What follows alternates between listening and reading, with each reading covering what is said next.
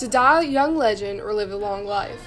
This is a idea brought upon by J. Cole discussing the um, instances in which um, people fear trying to be great because of some predetermined or internal conflict they have within themselves or just a set of fears. And this relates directly to um, what we read, um, the premature burial by Edgar Allan Poe, because the narrator in this um, short story fears the same thing. And I'm Abby. And I'm Lou. And today we are discussing the premature burial by Edgar Allan Poe. And we're excited to have you listening to us. So um, the story itself, it's uh, more than just like a just a story. It's more like a loose collection of uh, anecdotes, uh, all uh, related by the same topic, which is taphophobia, uh, the fear of being buried alive, which uh, apparently was very uh, common back then. And so, after presenting all these anecdotes, the narrator goes on by talking about his own story. And he's only uh, not only a man afraid of uh, being buried alive, but he also suffers from catalepsy. So, uh, the story, his story, resolves with him thinking he that he has been buried alive. And when he actually realizes that's not what happened, he's not only cured from his fear, but also from his disease. So I want to start off by elaborating on something Lou said earlier when she was talking about how common being buried alive was. Like, ridiculous in 2020, 2021's vision to see someone like complaining and having the fear of being buried alive. But people were buried with bells back then, like literal bells to make sure that if they got buried, they were actually dead. And I think uh, it's I agree with Abby. Actually, doing some research about like the context and the setting of the story, we both found uh, evidence of uh, people being buried alive back then, and actually um, like being found still like alive inside their their coffin. And that just makes you think about how many people weren't lucky. And I also wanted to go ahead and bring up how ironic for Edgar Allan Poe's story it was for this story to end with a happy ending, firstly. He was cured from his catalepsy and he was not actually buried alive. He was just on a ship.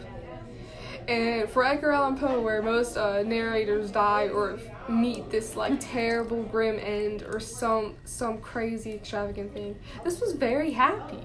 Yeah, it had kind of like a positive ending, right? I know it. It almost killed me.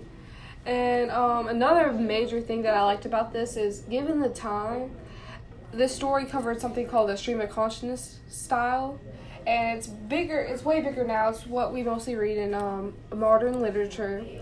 But like back then, it was kind of like breaking grounds in a way. Like there's obviously been more um, conscious like styles in the past before Poe, but he really kind of revolutionized it within his gothic style of horror, and I think that's really cool. I totally agree. Hashtag Edgar Allan Poe supremacy. Woo! Something that I want to focus about and that I'd like to discuss with you is the narrator and the role he plays in the story. Because I think um, the narrator itself always plays like a major role in Edgar Allan Poe stories, and it's always this kind of like unknown, unspecified figure. And I personally think in this case, we can consider him kind of unreliable since he's like very biased by his own fear of Yes. being buried alive Completely. and i would like to know what you think about it So one thing that I thought was really interesting was with starting the story with the antidotes like he did, he was tr- trying to accreditate or validate his fears entirely. And he's kind of contributing to his mania because he's providing evidence to himself that his Yeah. fear is completely rational to him.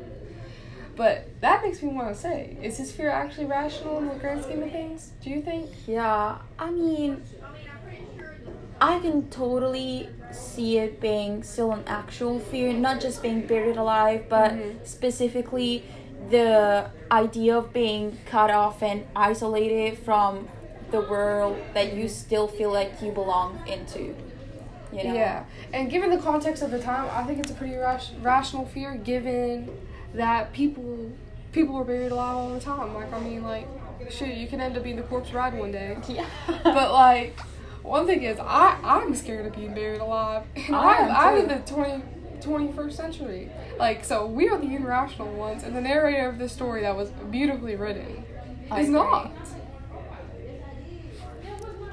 Regarding the narrator, another really big thing I want to bring up is the fact that instead of confronting his own fears then and there, he kept on trying to come up with solutions like the battery and other um, technological things to just make his fear go away or make ensure that when his fear does happen that he will not in fact be buried alive. So what do you think about that? Yeah, I agree with you. Like, it's very clear how he's always searching for a way to prevent, like, the actual realization of what he fears instead of thinking about a way to prevent it, which is kind of something, like, cool and interesting to think about. What do you say?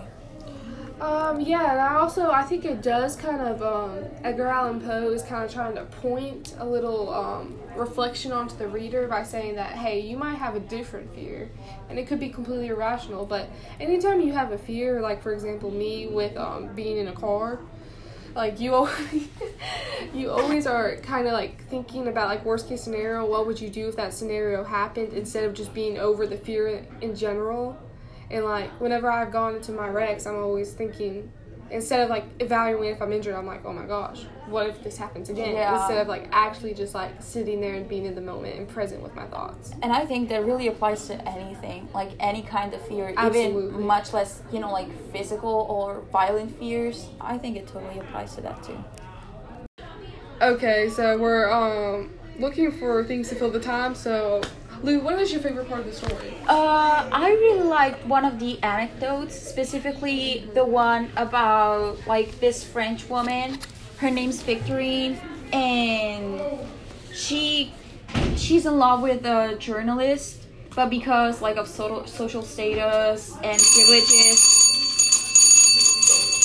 she decides to marry a banker and so like she marries him and after being very poorly treated by him uh, everyone thinks uh, she's dead and she gets buried.